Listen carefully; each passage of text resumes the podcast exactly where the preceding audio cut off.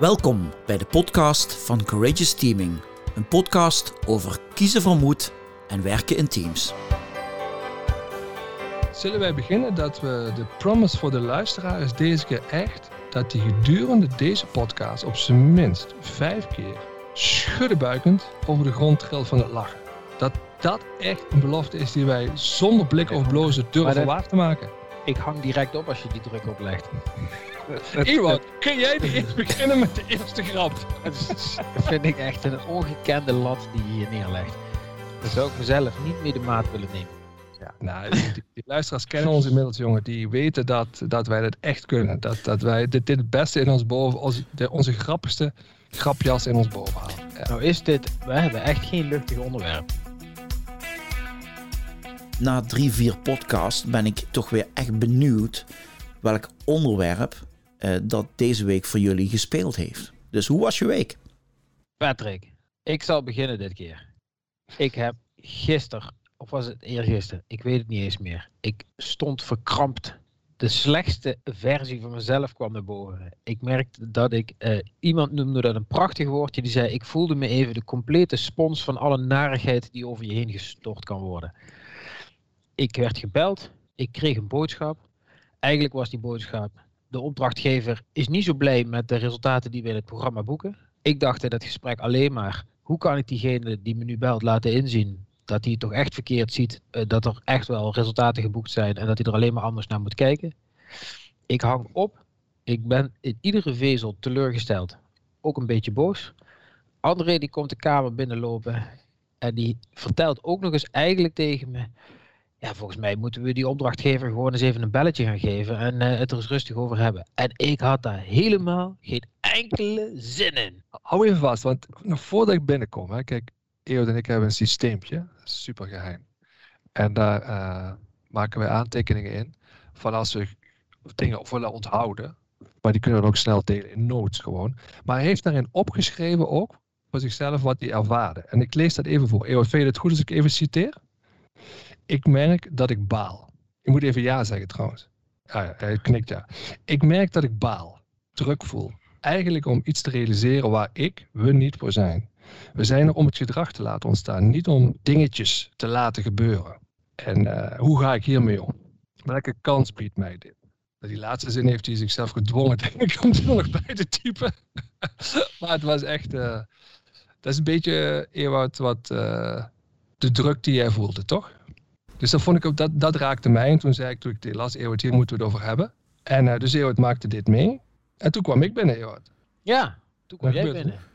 En dit is eigenlijk wel mooi, want ik denk dat heel veel mensen het herkennen. Eigenlijk voel je dan, ik heb nu gewoon even behoefte aan steun. Dat klinkt bijna cru, maar alsof er iemand binnenkomt en die er voor je is. Ja, als ik het uitspreek, denk ik, wat een slappe zak, maar die een beetje eh, zegt van, nou, vertel het eens eventjes, be- begrip opbrengt. eh, eh, zegt, en liefst tegen je zegt van, ja, je hebt ook helemaal gelijk, weet je. Dat, tuurlijk is dat, niet, is dat niet onze fout, hè. doen wij het niet slecht. En het enige wat ik krijg is iemand die luistert en die vervolgens ook nog tegen me zegt: Goh, ja, zouden we niet eens een gesprekje moeten organiseren tussen diegene die je dan gebeld heeft en eh, in dit geval eh, de klant of de opdrachtgever, om eens te horen wat het werkelijk is. En ik had daar helemaal geen zin in. Ik dacht: stik er toch in. toen Eeuw mij dit later vertelde, dat, toen dacht ik, oh, hij heeft dus eigenlijk behoefte gehad aan steun. Ja, en ik geef hem een inhoudelijke oplossing. Ja, dat is natuurlijk wel even een reset. En dan weet ik al die theorieën en tegelijkertijd geef je even niet wat er nodig is, zal ik maar zeggen. Even een stapje terug. Hè? Ik herken het. En nu denk ik, wat willen we hiermee zeggen? Wat gaat de luisteraar hieraan hebben? En wat is dan het thema dat we hier even uit willen pakken? Die middag moesten wij nog een sessie begeleiden. Dus inmiddels, bij mij merkte altijd wel later, had ik door hoe, hoe vervelend dit was. En dan ga ik je vertellen wat druk met mij doet. Nadat ik dat een beetje verwerkt had, ga ik een ander team begeleiden. En ik merk in die hele sessie dat ik daar mat zit. Normaal ben ik, ja, heb ik iets van sprankelends, vind ik dit werk leuk. En ik was gewoon mat. Ik ben uit mijn kracht gehaald. Eh, En eigenlijk de druk die ik ervaren heb, die geef ik eigenlijk door in het begeleiden van die sessie. En, en die teleurstelling die dus dan in mijn lijf zit, dat steekt mij dan enorm. En dan heb ik dus last van in een andere sessie. Ik weet dat ik gedachten moet reframen, maar moet je kijken wat het dus ook met mij doet. En hoe ik uit mijn, eh, mijn rol gehaald uh, ben. En als ik terug mag naar jouw vraag, wat, wat, wat, wat, wat heb je nou aan, wat leer je in ieder geval? Weet je, iemand vraagt eigenlijk om compassie. En ik geef hem een meedenken in een inhoudelijke oplossing. En in die sessie die ik aan begeleiden ben, waar ik heel mat ben, zie ik een aantal mensen die ik het liefste, nou ik ga het allemaal niet noemen, maar die ik echt verwenste. Want die zag ik dingen doen die, die echt heel vervelend waren in termen van gedrag. En, en die ben ik eigenlijk van binnen, ik, ik kan me onder controle houden, et cetera, maar ik ben ze aan het verwensen. Maar eigenlijk zit, zie ik daar ook gedrag wat compassie vraagt. Kun je dan ook eerst even die compassie tonen die er nodig is, zodat iemand zijn verhaal kan doen? Ik hoor jou nou zeggen, André, wat druk met mij doet, is dat ik heel even kort reflectief vermogen mis. Om even te denken, wat gebeurt er nu en wat is nou de juiste actie voor mij? Ja, een van onze uitgangspunten is, probeer te verplaatsen waarom is het logisch waarom iemand doet wat hij doet. En dat ben ik dus niet in staat geweest om dat op te brengen, omdat ik, niet, uh, omdat ik ja, uit mijn lood heb laten slaan. Patrick, voor mij was het het besef, en ik denk dat dat is wat ik uh, hoop dat een uh, luisteraar hier uithaalt, dat ehm, ik weet alles over hoe je om zou moeten gaan met een negatieve emotie. Ik snap het echt wel. Weet je, ik, kan het riedeltje zo, of het nou uit mindfulness of uit stoïcijnen of uit welke stroming dan ook komt. Ik kan het heel goed zien, ik kan het ook goed observeren. Ik weet ook dat ik me niet moet laten regeren door angsten of door woede. En toch moet ik accepteren dat het me af en toe gewoon gebeurt. Weet je, in deze situatie werd ik gewoon geraakt. En een wat ik denk dat uiteindelijk een van mijn diepste angsten zijn, dat is dat een klant of iemand waar ik samen mee werk, me niet goed genoeg vindt. Of uh, niet tevreden is, of om welke reden dan ook. En dat ik dat persoonlijk maak. En dan kruipt dat in mijn hele lijf. Ik voel alles aanspannen. Mijn spieren, mijn rug, mijn armen. Het zit dan eenmaal in je lijf. Ik moet dan iets doen om ervoor te zorgen dat het er weer uitkomt. Zodat je weer je luiken weer open gaan. Je weer de uh, positieve emoties ervaart. Je ook weer kunt inspelen op de goede dingen die er gebeuren. En dat kunt zien. Zeker hè, als je dan weer vervolgens een andere bijeenkomst in gaat, zoals André zei. Maar soms lukt dat gewoon niet. En dat was eigenlijk, denk ik, van dit mijn grote nou, frustratie of misschien ook wel leerpunt. Ik denk, ja, ik weet hoe het moet. Ik weet ook dat ik het af en toe kan. Maar blijkbaar word ik ook af en toe zo overmand door zoiets van boosheid of, of angst of wat dan ook, dat het me op dat moment toch niet lukt. Ik hoor je zeggen, ik weet er heel veel van. Ik weet precies wat ik zou moeten doen. Maar op een bepaald moment kun je jezelf dus niet coachen.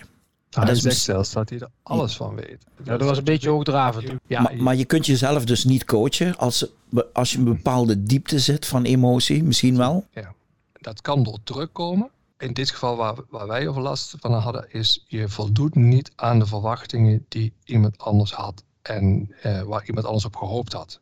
En die, diezelfde emotie doet iets bij Ewoud. Het feit dat hij uh, zichzelf even niet onder controle heeft. En tegelijkertijd doet het iets met jou, omdat jij ook iets van jezelf, iets anders verwacht. Namelijk jouw reactie richting Ewoud. Dus dit zit diep. Wat je eigenlijk perfect omschrijft, Patrick, is volgens mij de, de, noem het maar even, de cascade van negatieve druk. Dus dat begint ergens in iemand, die begint daar zijn teleurstelling, zijn boosheid of wat dan ook te uiten. En ik weet niet op welke manier, maar dat gaat bij mij in mijn systeem zitten. Ik geef dat eigenlijk door. Anderen ziet dat natuurlijk ook aan mij. Hij ervaart een bepaalde druk. En uh, nou, ik denk dat, dat je dat mooi omschreven hebt, dat dat daar gebeurde. Kijk, ik wist nog niet eens dat ik de onhandige reactie op Ewout had gegeven.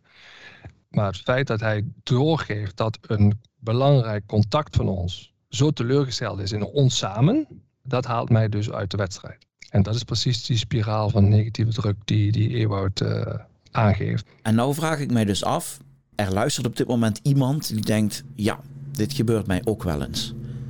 Wat is jullie tip voor deze manager? Of misschien wel geen eens een manager, gewoon een tip voor iemand die denkt van, hé, hey, ik zit ook nu zo onder druk dat ik mijn eigen gedrag niet meer onder controle heb. Ik heb er twee, Patrick, die ik, gewoon, die, die ik zelf had moeten toepassen. De ene heeft met de interactie te maken zoek iemand op waarmee je gewoon even een fijn gesprek hebt. Even weg van die inhoud. Een gesprek dat je in een fijne mindset, in een fijne sfeer weer brengt. En als dat niet in de buurt is, zo werkt het voor mij, dan moet ik er iets heel bewust zelf in doen. En wat ik er bewust zelf in moet doen, is echt even dat gevoel toestaan. Dus daar met mijn aandacht naartoe gaan, mezelf ook echt de vraag stellen: waar in mijn lijf voel ik dit nou? Me afvragen: wat zegt me dit nu? Wat ik eigenlijk echt graag wil. En dan die vraag stellen die anderen stelt. Kijk, hij is niet leuk, maar die vraag is wel heel goed. En wat heb ik dan nu te doen? En wat ik natuurlijk te doen had, was wat hij zei. Zorgen dat ik dit toets en in contact kom en zeg: hey, eh, je verrast me met de boodschap die je geeft. Vertel eens, wat is eigenlijk jouw echte wens? Nou, dat, dat uh, had ik natuurlijk moeten doen. Dan had ik die kans benut. Ik, ik denk wel, als je als leider luistert naar ons toe, dan denk ik dat je een geweldige kans hebt van welke druk hou ik weg bij mijn mensen. Want in dit geval, hè, geeft de druk door naar mij, moet hij ook, want we zitten hier samen in. Maar je soms kun je hem weghouden. Denk je, dit gaat anderen niet helpen. Hier ga ik ze even niet meer lastigvallen. Dus je kunt het weghouden. Dat is een van je hele belangrijke functies volgens mij. Dan kom je bij Ewart uit, dan heb je andere dingen te doen. Kun je peers zoeken, maatjes, waarmee je het wel kunt uh, doen. Andere nog ik aan wil toevoegen is, weet je, soms moet je gewoon eens even naar de lucht kijken. Naar de sky, naar de hemel. Die is gewoon hartstikke groot. Ik bedoel eigenlijk, hoe groot is jouw probleem? Is ook een beetje part of life, hè? Dus uh, met naar de lucht kijken bedoel ik van, uh, ja, laat de hemel ook een beetje opentrekken. Van, relativeer een beetje dit vind ik wel echt een mooie, praktisch toepasbare tip. Jij zegt een leider heeft ook een soort van filterfunctie. Door soms dingen weg te houden bij mensen, waardoor ze heel erg zwaar de emotie in zouden kunnen gaan. De, manager als filter om druk weg te houden bij je mensen. Je ziet denk ik hier ook een mooi voorbeeld van hoe druk creativiteit doodt. Dus het heeft de creativiteit en de sprankelendheid. Ik voelde mij letterlijk, ik zei het, hè, je hebt de glansverf en je hebt matverf. Nou, ik was niet eens meer mat. Hè? Dus als je het kunt weghouden bij je mensen, heb je daar, ben daar heel belangrijk in. Om die, om die spontaniteit, frivoliteit, de energie, dat je die kunt laten gaan. En uh, de negatieve kanten van druk weg te houden. En dan, ja, dan, dan ga je het ergens anders ventileren, op andere plekken. Ja, en tevens kun je het weghouden in je werk door misschien wel zo'n sessie dan niet in te gaan waar je nou wel bent ingegaan. Zeg van jongens, ja, ik ben niet in staat om dit op een goede manier te leiden nu. Goh, Patrick, je daagt me wel uit. Als sporter accepteer je altijd. In het, uh, jij, hebt ook veel gesport en sportcoaching gedaan, ik ook. Uh, ja, als je niet helemaal fit bent, start je niet in de wedstrijd. Ja, dan, dan, je moet ook de moed hebben om dat aan te geven. Fysiek is dat heel makkelijk. Maar eigenlijk stel jij de vraag van ja, als je mentaal merkt aan jezelf dat je niet helemaal fit bent om de wedstrijd te spelen, moet je die dan spelen? Of moet je de durf hebben om te zeggen in sommige gevallen, ik ben er gewoon nu niet klaar voor om hier een goede wedstrijd van te maken. Ik heb nog nooit zo mezelf de vraag gesteld voor een bijeenkomst in mijn werk. Je stelt een net een goede vraag. Ik denk ook, weet je, dat is een andere wetmatigheid. Hè? Die geldt waarschijnlijk hier ook niet. Dat is ook een beetje gewoon. Een artiest gaat altijd het podium op. Altijd.